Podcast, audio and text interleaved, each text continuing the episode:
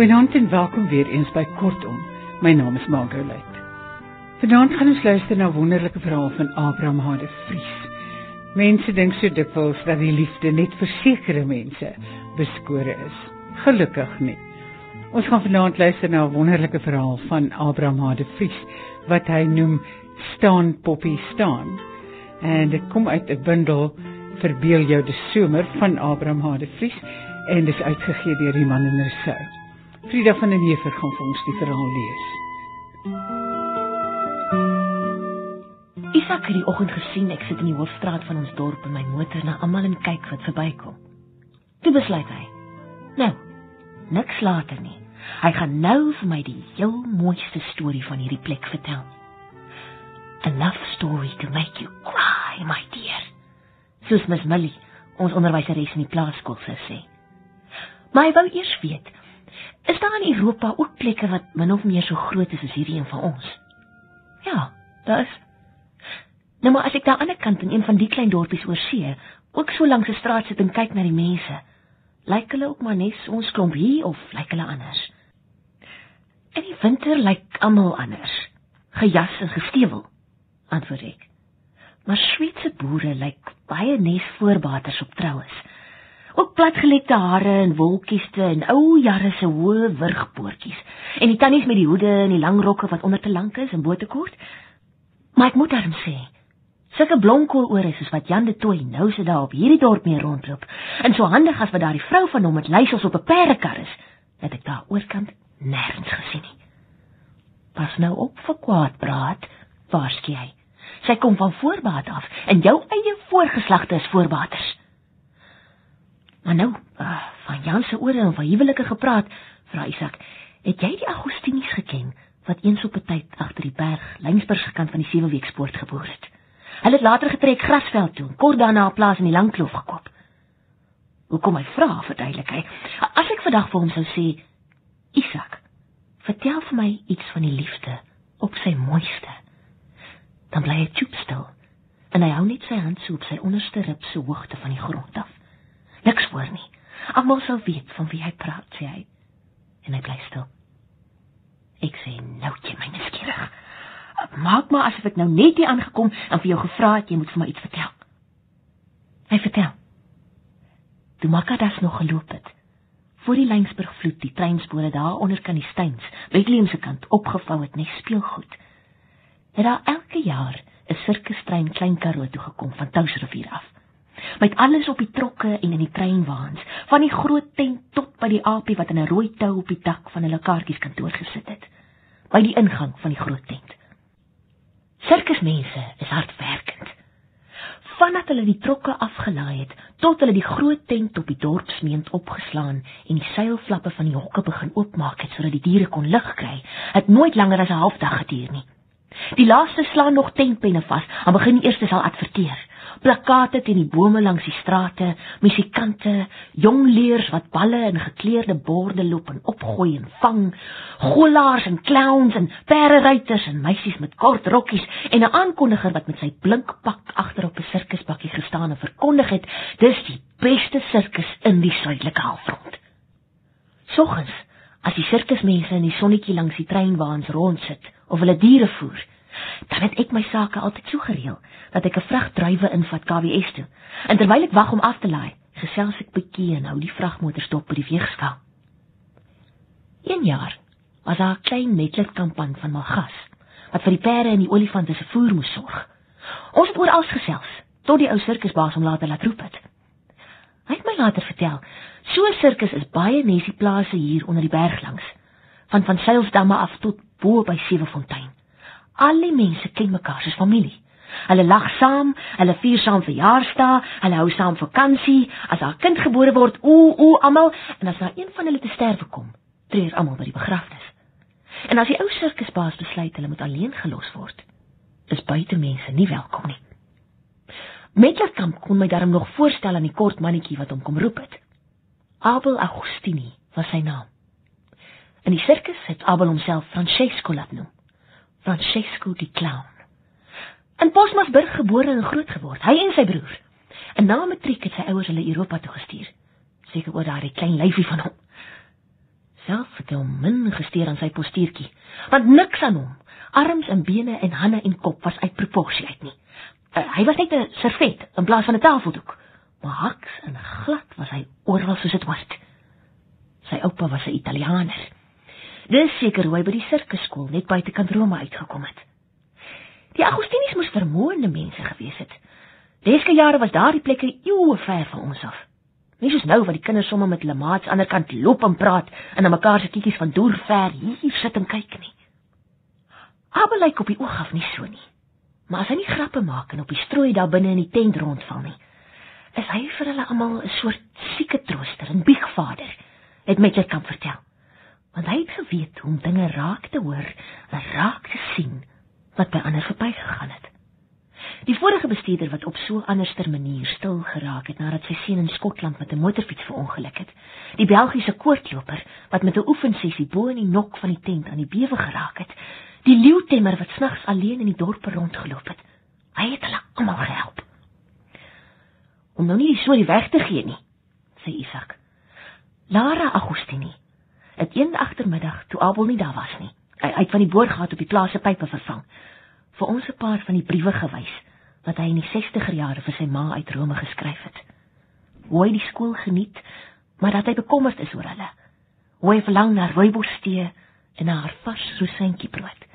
En van sy hartseer oor hy Arend, sy broer, by 'n festival in Keulen gesien het.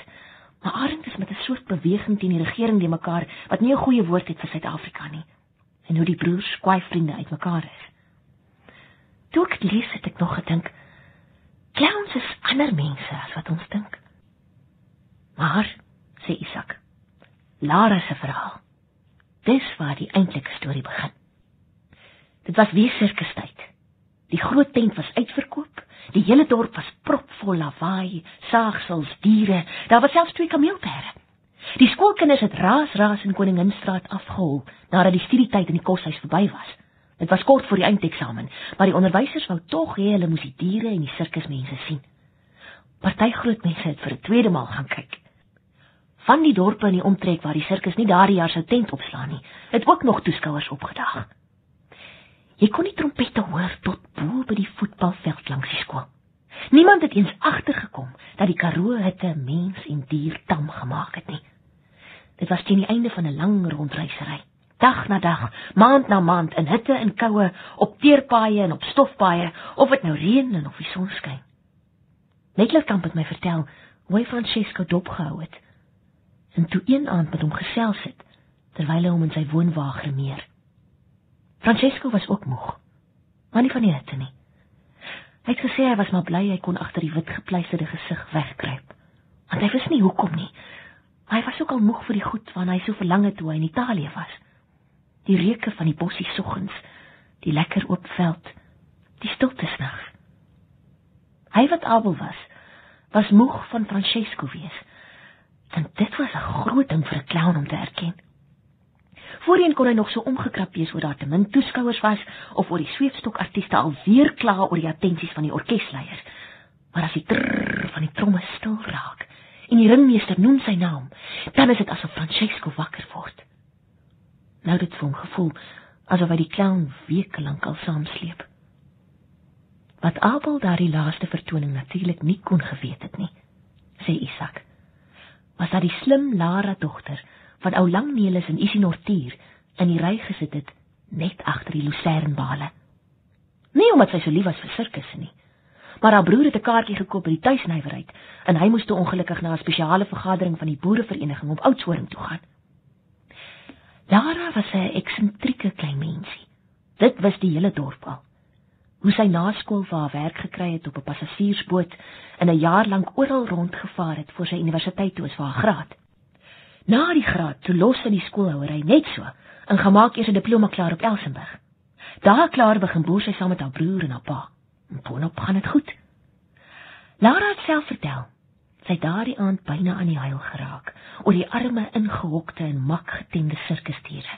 En was dit nie vir die sweefstokartiste en die ouens met die balle en die gekleurde borde en die ringe wat hulle alles gelyk in die lug gehou het nie, het sy uitgestap. Maar toe kom die clowns ook met hulle manewales. Dit het sy nie verwag nie. Vreemd hoe 'n mens vergeet. In Londen Waar sy 'n ruk ou pair was by 'n gesin, het clowns vir haar mense geword wat op partytjies kinders vermaak. Hier verskyn die pofbroeke te skielik onverwags met hul rondvallery en hulle trane met tye heilery. Terwyl die kortetjie en die lange mekaar poetse gebak het, het sy gesit en wonder of hulle ook maar na die vertoning 'n boek sit en lees. Met die leeutemmer gesels oor 'n vorm wat ingevul moes word, verlang na die brief wat miskien in die poskantoor se poste restant lê. Treur hulle regtig? Vloek hulle? Sing hulle? Skeer hulle? En was dan al gesigte? Toe Francisco weer ingehardloop kom, het sy ook geweet wie haar aan die dink gesit het. Die clown. Die kortetjie. Hy was anders. Daar was 'n uitdrukking in sy oë wat sy nie kon plaas nie. Miskien was hy moeg. Het sy gedink. Toe hy in die lange nog so in skottels water trap, mekaar vol skuim smeer en rondgly, het hy tot vlak voor haar gerol en gemaak of hy hand onder die kop op sy sy lê en die lange ignoreer. Maar hy het na haar gelê en kyk. Toe hy later Kamma probeer weghou vir die perdetemmer se sweep, het hy op haar afgepyl, oor sy voete geval, opgevlieg en probeer wegkruip agter 'n lucernbal. Maar sy wegkruipplek was vlak langs haar stoel. Onder al die wit poeier en kleursel op sy gesig, was daar die twee oë en daardie mooi gesig. Later, met al die deelnemers se laaste rondes in die ring op maat van die musiek, het hy Kamma die lange weggestamp om opgeraap voor haar op 'n bal gaan sit en sag vir haar gesê: "Jy is vir my baie, baie mooi, weet jy?" Die volgende oomblik het hy homself kamma so hard met die plathand voor die kop geslaan dat hy reg agteroor geval het, binne in 'n emmer water wat die ou lange geland daar neergesit het. Die mense het gebrul van die lag. Lara het net per self geglimlag. Dit was 'n Saterdag aand. Isak sê dorpsmense wat daar langs geloop het, het vertel hulle het later vir Lara en 'n mannetjie wat net so kort is as sy, hulle het eers gedog as kinders, sien stap in die natuurtuin tussen die skaduwees van die plante en bome. Maar stories groei ook saans. Dit mag stories wees. Wat wel waar is en wat die mense op hulle manier vertel, is dit. Of 'n perd 'n paar maande later op die clown se voet getrap het, of 'n leeu op sy skoot gaan sit het, of die aap hom wakker gesnork het, weet niemand nie. En dit maak ook nie saak nie. Hy is net voor dagbreek die oggend na die laaste vertoning op die aar met die aapie op sy skouer by die sirkus weg. Die aap was gewoond daaraan om snags rondgekarwei te word. As Abel nie kon slaap nie, het hy met die aap deur die doodstil dorp gaan stap waar hulle die nag oorgestaan het. Die sirkusbestuurder het sy bedankingsbrief op die lesenaar in sy woonwa gekry toe hy die volgende oggend sy pen daar gaan soek het. Met die aap by hom En sonder veel meer het Abel Agostini 'n paar dae later by Nelis in Isinortuur op Klaarwater aangekom. En dit was dieselfde mense, sê Isak, dieselfde mense wat so gebrul het van die lag in die sirkus, wat 'n ruk later die kerk volgesit het toe Lara en haar man in die breë kerkpaadjie afgestap kom. By die kansel het Nelis gebuk. Hy het haar sluier weggetrek, haar gesoen en afgegee en byna met 'n lelike slag in die rug regop gekom. Isak sê: "Ek het daardie agtermiddag aan die vensterkant se sitplekke voor in die kerk gesit, by Metlerkamp, wat die ring in sy sak gehad het en moes aangee. Daar was nie strooi mense en sulke fiteriasies nie. Voor die kansel was net Lara in haar pragtige bruidsrok en Abel in sy nuwe sondagspak. En hulle kon albei net so op die voorblad gepreek het van een van die tydskrifte wat die vinknes verkoop, met 'n opskrif: Ware liefde. My oë was self nie heeltemal droog nie. Toe die bruidspaar omdraai na die gemeente kyk, laat ek Metler kan by my verbyskuif. Maar ek bly net so staan. En ek kyk almal deur en ek tog ja. Kyk hoe lyk ons nou.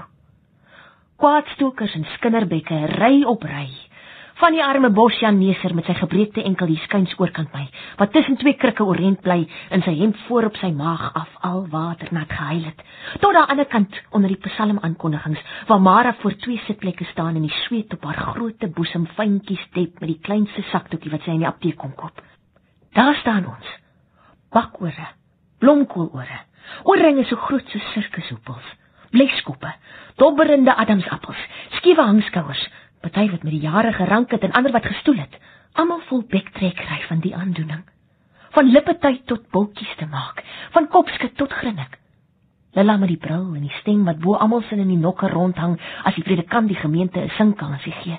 Die bleek pottebakster met die ringe aan haar vingers en die ringetjies aan haar oogbanke. Jan met sy blomkoolore en sy doodstil vrou wat nie weet die duif wat die hele diens al in die kerk ronddraai, teiken die stuk skof tussen haar bolle en haar rok nie. Agter die rye dorpsmense en plaasmense staan die hele sirkusspan, elkeen met 'n T-hempie aan wat die volgende groot toer adverteer. Almal rek hulle nekke om die bruidspaartjie te sien. Geraam in die veldblomme wat een van Isie se vriendinne voor die kansel gerangskik het. En die twee pasgetroudes kyk op na hulle en glimlag breed oor hulle niks behalwe mekaar raak sien nie. Nou nog. As ek 'n duif hoor koer of veldblomme se wilde reuk kry, dan dink ek weer daaraan. Dit is nie lank nie. Sulke oomblikke. Dis gou verby en Niemand het daarna die woorde om iets so mooi te beskryf nie. Toe het die dominee sy Bybel versigtig toegemaak. Bosjan se vrou het vir haar man gewys, sy het sy hoed, sy bring dit vir hom saam motor toe. Hy het die krikke albei onder een arm vasgeknyp en haar aan haar skouer gevat, net in die ou dae. Die orgel het begin speel. I'll walk beside you of sweet. Ek het daar bly staan, sê Isak. Doodstil. Ek het net teruggeleun dat Metterkamp kon verbykom. Tot die kerk leeg was en daarna nog ruk. Want niemand het so gou al die blomme kom haal nie. Hoe langer ek aan die Augustinies dink, hoe duideliker het dit vir my geword hoe 'n ongeposteerde ding, vol skewighede en skaarstes, die liefde op sy mooiste is. Frida van der Neever het vir ons Abraham Hade Friese verhaal staan Poppy staan gelees. Dit kom uit 'n bundel Verbeel jou die somer van die man in Rousseau. Van my Margaret alles van die aller aller allerbeste. Mag dit met ons almal goed gaan. Totsiens.